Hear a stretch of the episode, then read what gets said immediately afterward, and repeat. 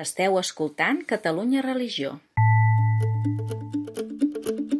Som dijous 16 de juny de 2022 i esteu escoltant la rebotiga de Catalunya Religió, aquest espai de tertúlia i comentari de l'actualitat amb els periodistes que conformen la nostra redacció.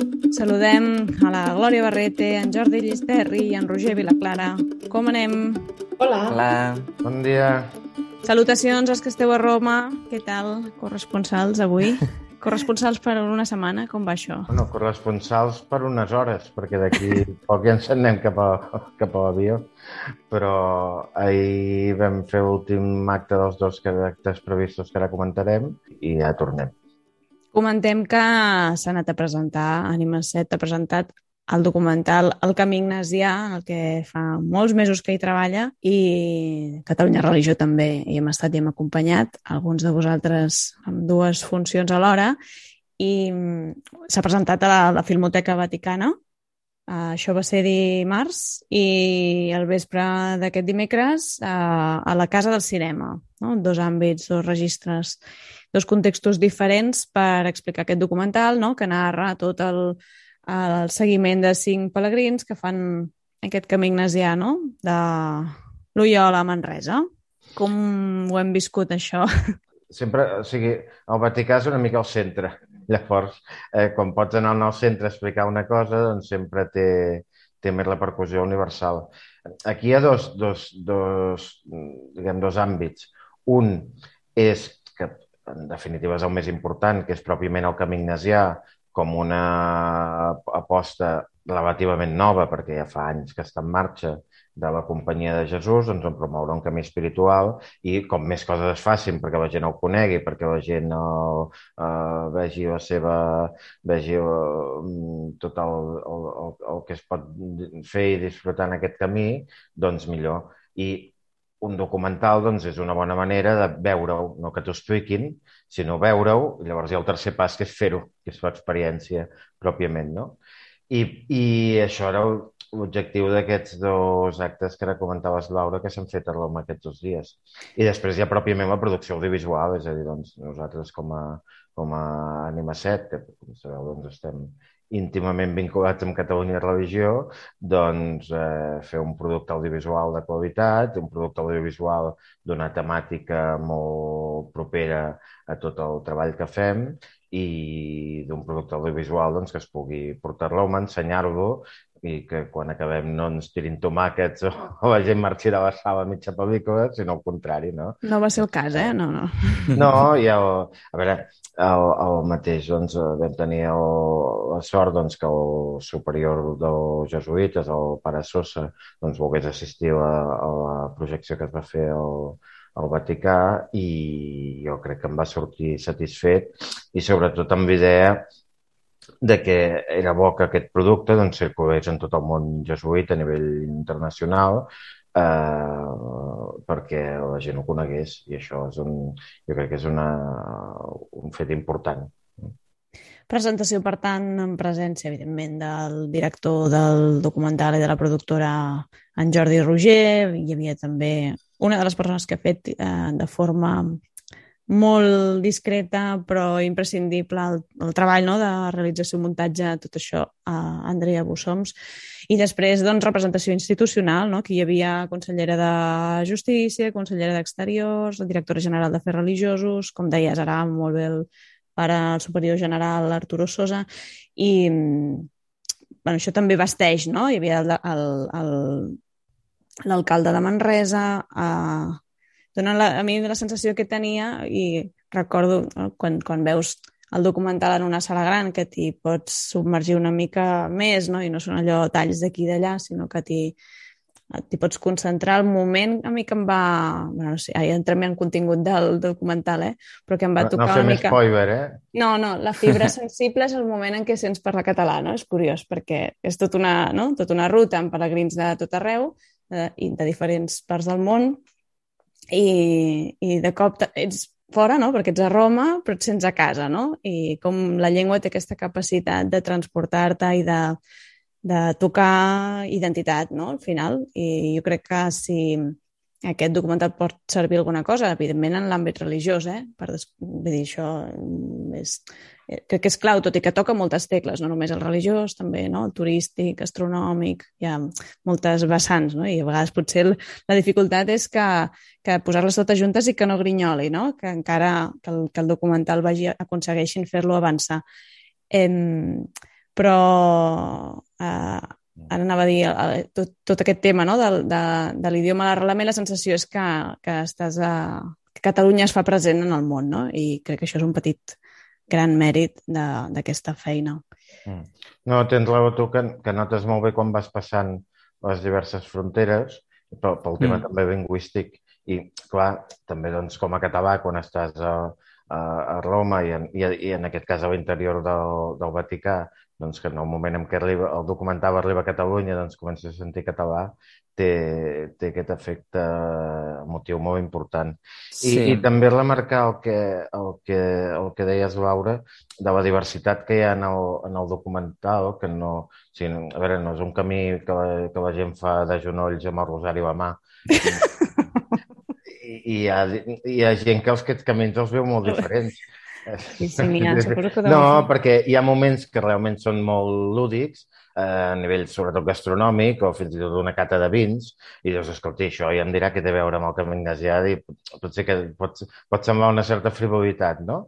I, però és veritat que aquests camins els fa gent amb... O sigui, allà sortia una mica tot, però hi ha gent que pot tenir aquesta dimensió més cultural, però que en aquest entorn cultural o, o de lleure al final et vas trobant, encara que no vulguis, el fet espiritual, o gent que ho fa realment amb una dimensió molt espiritual i molt, en aquest cas, ignasiana i, i molt de revisió interior, però que, evidentment, també sopes i, i si una església és bonica, també t'agrada veure per lo bonica que és, no només pel significat espiritual que pugui tenir, no? Mm -hmm. I això, doncs, el, el, el, el documental jo crec que ho recull molt bé.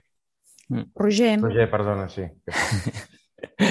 eh, no, aviam, jo, mira, el que volia dir és que el, dels dos actes que s'han fet, em va agradar molt el d'ahir, els dos van ser molt xulos, però el d'ahir especialment perquè una mica també el que deies tu, Jordi, no, que potser doncs, el Vaticà centra moltes mirades no? I, i és molt important haver-lo pogut presentar al Vaticà, però ahir també a la sortida hi havia gent que ho deia que al final doncs, ahir era una sala de cinema més comuna, com diguéssim, com ho entendríem. O sigui, la pel·li també... Amb penso... unes butaques vermelles sí. còmodes i, i penso més modern. Que, penso que potser va lluir més i també hi havia molts religiosos i religioses i més enllà de les institucions que són importants que van al Vaticà, doncs penso que, que va fer molt de goig la, la presentació d'ahir, que ja dic eh, que la del Vaticà també va ser molt important i que també va estar molt bé, eh? però, però això, la d'ahir és com que vaig sentir que bueno, em, va, em, em va agradar i sobre el documental penso una mica el que dèieu, eh? que, és, que és molt divers, que és molt xulo i, i jo personalment, que, que la veritat és que he fet unes etapes, o sigui que he fet una part del camí ignasià. Eh? Eh? Sí, sí, sí, així, així com ho sentiu. Sí, però doncs... aquí tots estem parlant. Clar, i, i, no, i no teniu l'experiència. De genolls o no, Roger, però de genolls o... Amb el Rosari, no? De genolls no, però amb un grup de, de 35 nens que...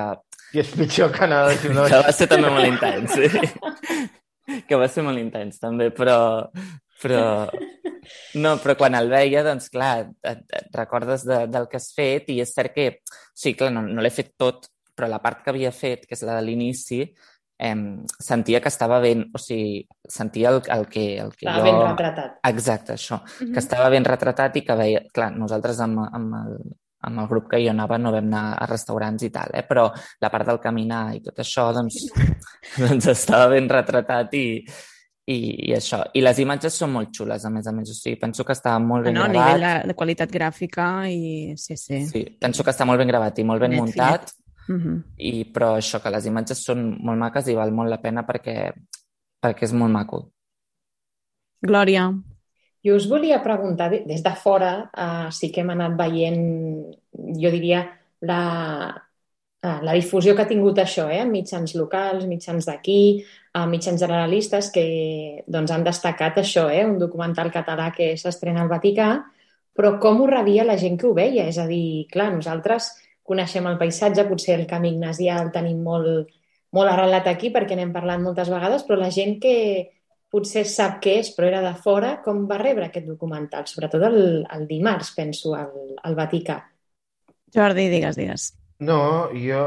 A mi em va cridar l'atenció eh, que, de fet, estava darrere la sala en aquest cas i no veia les cares, però veus la gent si comenta, si reacciona, si té, quan hi ha els, hi ha els moments doncs, potser més, més, més divertits, entre cometes, no? perquè poden fer un... Doncs, si la gent es mou una mica, veus que allò que ha reaccionat, si fas, intentes fer una, una certa broma o un cert... Eh, Interacció, no? Eh, i, I la gent continua allà congelada o veus que comencen a dormir, doncs... I, i, de, i després ahir al cinema, que, que tenia la gent més de lateral i es podia veure una mica més la reacció, i, jo crec que bueno, que et descobreix una cosa, o sigui, vaig veure l'interès en descobrir una cosa que no coneixien. Eh? I que com que el, el relat és molt dinàmic de, del documental, doncs, doncs eh, jo crec que aquest efecte el fa. Eh? Com a mínim, amb, o sigui, amb, les dues primeres proves de projecció pública, jo crec que aquest efecte està aconseguit. I, de fet, per exemple, sobretot del, del món dels jesuïtes, doncs, que podien tenir més, més empatia amb el projecte, pel, perquè al final parlava d'una cosa seva, però també hi ha molta gent que, que tots aquests llocs mm, hi poden... bueno, evidentment els coneixen i els hi sonen de, del que és tota la biografia de Sant Ignasi, però que tampoc els han vist o tocat tant. O al final, doncs, un jesuïta... Mm, aquí, clar, aquí Roma et trobes jesuïtes de la, de la Cúria o estudiant aquí que són de tot el món no, no són jesuïtes italians. De fet, potser jesuïtes italians no n'hi no havia gaires, precisament. Però, clar, són persones doncs, que probablement viuen a l'altra punta de món i és difícil. Clar, nosaltres agafem el, els que estem a Barcelona, agafem el tren i en una hora i mitja estem a Manresa. Mm, I ho podem fer cada setmana, si volem. Ells no. I, per tant, aquesta recepció jo crec que va ser qui va ser i de, pels que ho coneixien més i pels que potser no ho coneixen tant físicament, però és un referent eh, espiritual i, per tant, veure-ho. De fet, hi, hi ha una experiència amb un, no diré un nom, diguem, per respecte a la intimitat, però un jesuïta famós que, per qüestions de la vida, vaig poder acompanyar quan vam anar una estada a Barcelona i vam anar a Manresa, i ell ens demanava insistentment de que volia anar a, a, a, on es veu el Cardener i l'il·luminació del Cardener pont. de, de Sant el pont. Mm -hmm. La vista des de dalt, ara des no de dalt. El, el, el, sembla que es diu el Pou. No, el Pou no, bueno, la vista sí. des de dalt que veus tot el, això. I per ell allà va ser... Um, si ho veies que s'havia emocionat estar allà. Mm -hmm. Doncs, bueno, ja que n'hi pots anar cada setmana, doncs, si vols cada setmana et pots anar projectant el documental per veure-ho. Molt bé, més coses, Roger? Si algun altre comentari sobre bueno, això? Bueno, dimecres al matí n'hem parlat. Dimecres... No hem parlat de dimecres al matí que vam estar a la plaça de Sant Pere del Vaticà a l'audiència amb el papa Francesc. Sí. A banda i banda, perquè ens vam distribuir. Perdona, el rumor, el rumor ja l'apaguem, no? No ha, no ha dimitit. Allò que ens Tenim va quedar vídeo. penjant Tenim el la setmana passada. Veu anar no, però, in situ a comprovar. A més, té raó a veure que amb, un, amb una mostra eh, d'organització excel·lent, cadascú va entrar per una porta diferent i després ens vam poder trobar. Eren pocs, sí, i malavinguts. Bueno, tots els camins porten a Roma, doncs potser a la plaça Sant Pere també passa això. Diu tots a l'audiència. Molt bé. El Roger, que... com ho vas viure tu, això? Primera audiència amb el papa? Per, per, mi, era la, per mi era la primera vegada i he de dir que quan, quan ens estàvem apropant, li vaig dir a la Laura, i estic nerviós, perquè al final, bueno, en veritat, clar, a, a Catalunya Religió pràcticament cada dia parlem del papa i al final, doncs, veure'l a prop, a veure, estava, estàvem lluny, perquè estàvem, o sigui, no estàvem, estàvem a prop, però estàvem lluny. bueno, és igual però... No, perdó, però el estàvem a temps, prop. sí, sí, el No, veu. no, estàvem molt a prop. Clar, perquè, jo crec que estàveu a prop, perquè sí. el Jordi ens va a dir, prop. perquè el Jordi ens va dir, estareu molt a prop, però clar, per mi molt a prop és molt, molt, molt a prop, però entenc que, entenc, entenc que allò... Per... Tocant-li l'esquena. Tampoc no va baixar a saludar-te, val. Clar, però- el Roger volia més. Entenc que per veure el papa sí, sí, allò era molt a clar. prop. O sigui, per Sí, veure el sí, papa sí, allò era sí. molt a prop. Però, però vull dir Tenint en que... compte els milions de catòlics que hi ha al món, i- Exacte, exacte. està molt. Jo crec que, que estàveu a prop. Però és cert que, que, que impressiona perquè hi ha moltíssima gent i la gent ho viu moltíssim i, i, i a més doncs, sentir parlar del papa també és, és un gust, diguéssim, i, i el que va dir doncs, va, va estar maco i va, va ser interessant. O sigui que, que em va agradar molt l'experiència i que, i que molt xulo. Pensava que anava a dir, ara la repetiria cada setmana. Dic, molt bé. No, la- l'audiència, que el, el motiu que hi vam a ser, que això no ho vam organitzar nosaltres, és que com que una de les institucions que ha col·laborat amb el documental és el de la Direcció General d'Afers Religiosos del, del Departament de Justícia, eh, doncs eh, la, com hi va venir la consellera Ciuró a presentar-ho, doncs havien aprofitat que estaven aquí i amb motiu de l'estrena del documental, doncs que la consellera pogués fer una salutació al papa al final de l'audiència, cosa que heu pogut veure que també va passar i es va poder fer, i va poder explicar que havien vingut a estrenar el documental aquest i que, com sempre, es va reiterar que, que tothom espera que Que vingui vingui. a Manresa a veure-ho i, com sempre, el papa va dir que es feia el que es podia i, no, i estem en, en el mateix punt de sempre. I ara més, com ja sabeu també tot el tema de la mobilitat del papa, doncs, que, és, que és complicada i que, per tant, també encara ho dificulta, ho dificulta més. Però, comenta, agafant el que deia el Roger, clar, aquests actes massius, que tampoc hi havia tanta gent, també amb el tema de la... Ara es, es comença a recuperar la, movi- la mobilitat internacional, però els últims mesos doncs, això ha sigut més baix. Aquí sempre hi ha el perill de, de que sigui una oportunitat per trobar-se amb el papa, però no trobar-se amb el papa com si fos una estrella de rock, sinó com un líder religiós. Eh, hi ha un punt aquí I sempre hi ha un punt delicat, delicat. que, a més, el, el, la capacitat expansiva dels italians o, o una argentina que hi havia cridant a gairebé primera fila al nostre cantó, doncs és una situació que de vegades pot eh, agafar el pendent de, de travessar un llindar doncs, que ja, no, ja va molt més enllà del, del, del fer religiós. No? Però la, ma- jo, jo, jo, Roger, que no hi havia estat a cap que em contradigui, però el mateix to de l'audiència, evidentment es fa una mica feixuc pel tema lingüístic, però el, que- al final els continguts, la manera que es fa i això, jo crec que tempera bastant aquesta, aquesta, mm, aquest risc eh, que es converteixi en un I- espectacle i no en una Mm. trobada religiosa. Mm, I el mateix papa Mm. també procura que no sigui així, és a dir, quan ell està parlant i diu alguna frase que algú no es posa a cridar un grup, no reacciona així molt efusivament, ell no, no s'atura per donar més joc en aquestes respostes, no? sinó que ell continuava i deia, bueno, aquí anem a centrar-nos una mica. Que Sí, allò que fan els mítings, no? que fan aquella pausa i esperant que la gent no hi havia pausa dramàtica en aquest cas. sí, sí, no, no, amb això és certament Clar. una experiència. Um, Oh, perdó, Eh, perdó, eh, ja ara la, acabo, la eh? punt de broma, eh? Jo sempre he pensat i he esperat algun dia el Papa Francesc Hola, plaça de Sant Pedro! I tots allà, tipus concert, eh? Algun dia potser ho veiem, eh? No ho sé, però... Dic, això també estaria bé, fora bromes. En un altre context, eh? Però... Sí, sí, sí. No, Escolteu, un- un- més no, coses. Perdoneu, no, un últim, Ah, un no, últim en Jordi comentari no, de- vol, de no vol marxar de Roma. No, digues perquè, més. home, jo, que escolta, cada setmana no anem a una audiència amb el papa, estirem una mica.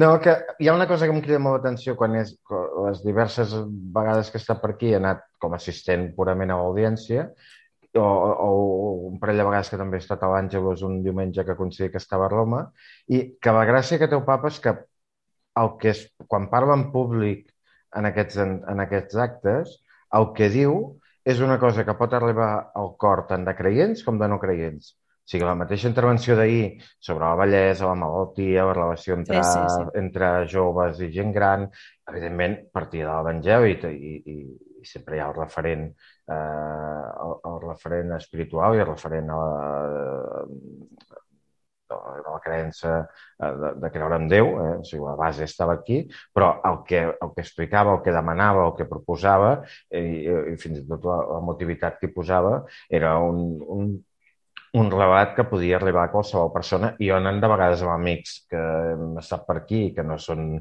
tant de l'àmbit doncs, religiós, això ho he vist, és a dir, que, que no, no, no és un papa que parla de coses del, del cel que només és abastable pels quatre, pels quatre experts, sinó que, que arriba la gent amb, amb molta, molta força.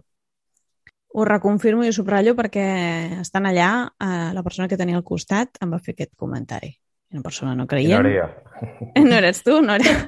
Se'm va apropar, em va dir, és que aquest missatge és per tots, no? No és només per Clar. vosaltres, els creients. Això jo també ho entenc, no? I és molt important, no? O a mi també m'interpel·la que, que facin aquesta reflexió, aquest pensament, que, no? que et donin claus per de vida i, no? Al final també comentant amb altres... Sí que és veritat que en el món religiós um, ha generat molta empatia per, per aquesta capacitat no, d'utilitzar un llenguatge comprensible i de tocar temes que, que són universals. No? Això, sí, sí, confirmo el que deia en Jordi. Escolteu, um, tanquem capítol Roma, però aquesta setmana també hi ha hagut un altre esdeveniment, diguem, important o una altra convocatòria de PES, que és la segona tribuna Joan Carrera, no? que agrupa una pila d'entitats eh, cristianes s'hi han sumat ara de noves en aquesta altra convocatòria, en aquest cas, com havíem explicat, convocant el, el teòleg, el degà de la Facultat de Teologia de Bucarest, Wilhelm Danke, que no, va estar explicant també eh, tota la visió de l'experiència de, de les religions en, en el context d'Ucraïna, mm, no només l'actual, sinó una mica també de, de situació històrica d'on es venia, i, i demanant uh, no, que respecti la integritat territorial, va dir, no? i aquesta autonomia política respecte a la religió, no? que també és important i significativa en aquest escenari que tenim ara de guerra, on, on el patriarcat de Moscou s'hi ha implicat mm, no? obertament, diguéssim, ha, ha beneït la guerra. No? Per tant, aquí tenim un, un conflicte important i ell feia el, el retrat de la diversitat que hi ha també religiosa i com això es viu o no a Rússia, etc. No? Amb algun comentari sobre aquesta trobada. Trobareu ja la intervenció íntegra publicada al nostre web, que si la voleu recuperar, i el, el vídeo um, va ser un acte que va presentar el degà de la Facultat de Teologia. Glòria.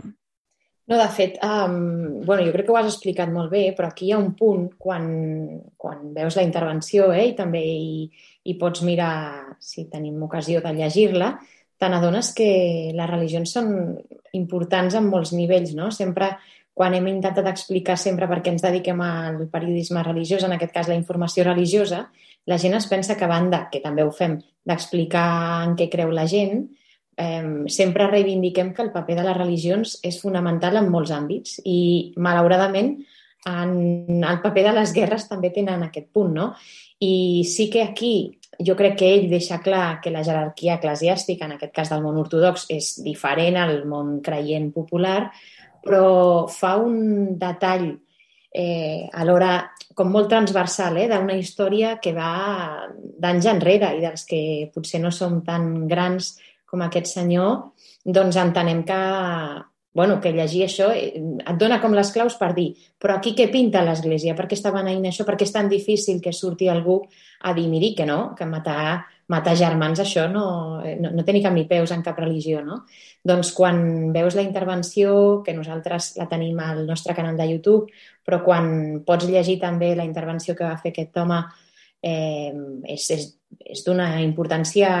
A mi a mi m'ha semblat... Dona unes pistes i unes claus per entendre que no és tot tan fàcil, no? Com aquella rebotiga que ens explicava el Manonelles, en Manel Manonelles explicant la diplomàcia vaticana. No és tan senzill com agafar un, un telèfon i dir, miri, que això no ho pot dir. No, no, això ve de, de lluny, aquí uh, hi ha moltes característiques que s'ajunten i, i jo crec que aquest filòsof i teòleg ho va explicar la mar de bé. Jo crec que hi ha, hi ha dues coses importants de l'acte aquest de la tribuna Joan Carlera. Un, venir una persona, no tant perquè vingués de fora, sinó perquè venia de més a prop del, del que estem parlant, eh, i, i en bona part va confirmar el que havien anat sentint, és a dir, que tot, tot el problema Eh, de l'utilització religiosa que es fa mm -hmm. en aquest conflicte, tal i qual, però és diferent que ho, ho expliquem des d'aquí que no que una persona doncs, que ho coneix molt més directament t'ho expliqui. I després que confirma el que també ja hem vist altres vegades i sabem perfectament, però està bé que t'ho confirmi algú de primera mà, que és que quan es vol utilitzar la religió com un instrument de poder polític, doncs pren mal la política i pren mal la religió i al final pren mal la gent. Per tant, és un exemple molt clar i evident d'una situació d'utilització de la religió per finalitats totalment espúries i, i, i en aquest punt estem.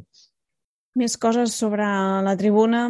bueno, jo, jo afegir potser la, la importància eh, d'aquests actes quan tots en, en moment d'actualitat, si la guerra comença al febrer o al març, ens hi aboquem a fer entrevistes sobre relacions internacionals, experts i de més, jo crec que ha estat important que amb una certa distància puguem posar, bueno, llum a la foscor, no? que ara es diu molt en la sèrie de TV3, però, però vull dir una mica com de claus per entendre més enllà d'això, perquè la guerra continua i ell apuntava, malauradament es nota que això tindrà llarg recorregut, no? Pues les coses s'han d'anar explicant i penso que l'espai que han creat a la tribuna Joan Carrera jo penso que és molt favorable. Dinar, no? amb, amb, amb pausa i reflexió, doncs també està bé i que sigui obert a tothom, doncs encara més.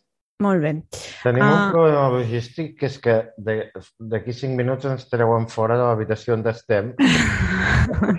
Vindrà el... el... No. Us tancaran, us tancaran en clau. La companyia és molt grata, però... No, escolteu, fem un repàs només per veure què és el que s'ha llegit aquesta setmana. Sí, Roger, revisem els més llegits. Doncs els més llegits d'aquesta setmana tenim en primer lloc un article sobre els horts religiosos amb visió social. En segon lloc, la notícia que l'activista Maria Dolors Fernández és la nova presidenta de Justícia i Pau. En tercer lloc, hi tenim la notícia que el liturgista Gabriel Seguí és nou consultor de la Congregació per al Culte Diví. En quart lloc, hi tenim la notícia sobre el treball dedicat a les carmelites i a les caputxines de Mataró, que és el primer Premi Gaudí, i en cinquè lloc hi tenim la notícia sobre l'estrena del Camí Ignasià. Tres apunts molt ràpid, abans de que facin fora el Jordi de l'habitació.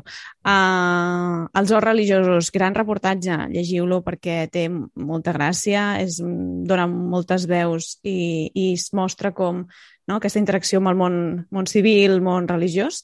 Uh, felicitar des d'aquí també la nova presidenta de, de Justícia i Pau, a felicitar i agrair també la feina que ha fet fins ara l'Eudal Vendrell, que, que ha estat al capdavant i que l'hem tingut aquí també a la rebotiga, parlant justament, recordo quan va no? Començar la guerra dia, a Ucraïna dia. i ens va situar molt bé. I aquest treball que diu que està dedicat a les carmelites i a les caputxines de Mataró, aquest treball de recerca que uh, respon a, no? que, que ha estat premiat als premis que avui uh, es lliuraran doncs, a la Sagrada Família en un acte no? més públic, un acte públic en el que s'hi pot assistir i endavant doncs, amb tota la recerca, estudi i difusió del fet religiós amb el que nosaltres també doncs, hi, hi treballem. Res més, sí, ho deixem aquí. Gràcies per acompanyar-nos una setmana més a la rebotiga de Catalunya Religió. Gràcies, Jordi Lliga Internacional d'avui. Aquest, ah, sí, el dia d'avui, aquest dijous internacional. Gràcies, Jordi Llisterri, Roger Vilaclara, Glòria Barreta i s'acomiada també una servidora, Laura Mort. Fins aviat. Adéu. Adéu.